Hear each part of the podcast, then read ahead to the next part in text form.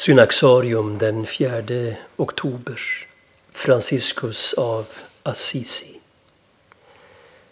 Få personer har lämnat så djupa avtryck i historien som Franciscus av Assisi, Guds lille fattige. Den är saktmodig gestalt som talade med fåglar, tämjde vargar och vandrade genom fälten, vände upp och ned på Europa under 1200-talet.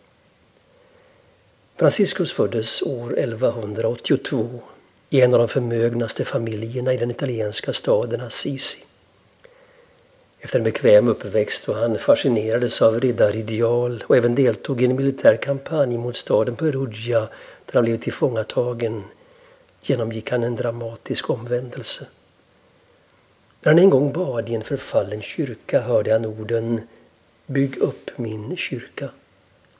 Först uppfattade han det som att uppdraget gällde att restaurera illa skötta kyrkobyggnader. Till sin fars bestörtning sålde han en betydande mängd familjeegendom för att kunna påbörja projektet. Men snart förstod Franciscus att kallelsen gällde kyrkans andliga förnyelse. Franciscus började nu söka ett liv i avskildhet och bön på samma gång som han tjänade de fattiga och spetälska. I en gudstjänst hörde han Jesu ord läsas Skaffa inte guld eller silver eller koppar att ha i bältet. Ingen påse för färden, inte mer än en enda skjorta, inga sandaler och ingen stav. Han tog orden bokstavligt och började vandra omkring barfota för att predika evangeliet. År 1209 anslöt sig en liten grupp bröder. Franciscus insåg att endast genom hjärtats fattigdom och ett liv utan några som helst materiella anspråk kunde de följa i Jesu fotspår. Franciscus radikala tillämpning av evangeliet mötte ett överväldigande gensvar i samtidens kyrka. Behovet av ett vittnesbörd som kunde återföra kyrkan till de vägar Jesus gick var vid denna tid akut.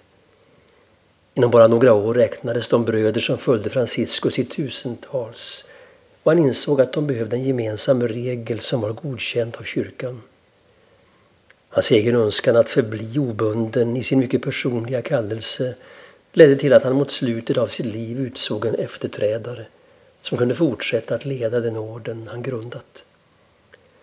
Franciscus kompromisslösa trohet mot evangeliet, hans kärlek till det enkla livet, vördnaden för allt skapat och den frid han fann i tilliten till Guds barmhärtighet har gjort honom till ett utmanande tecken genom århundradena.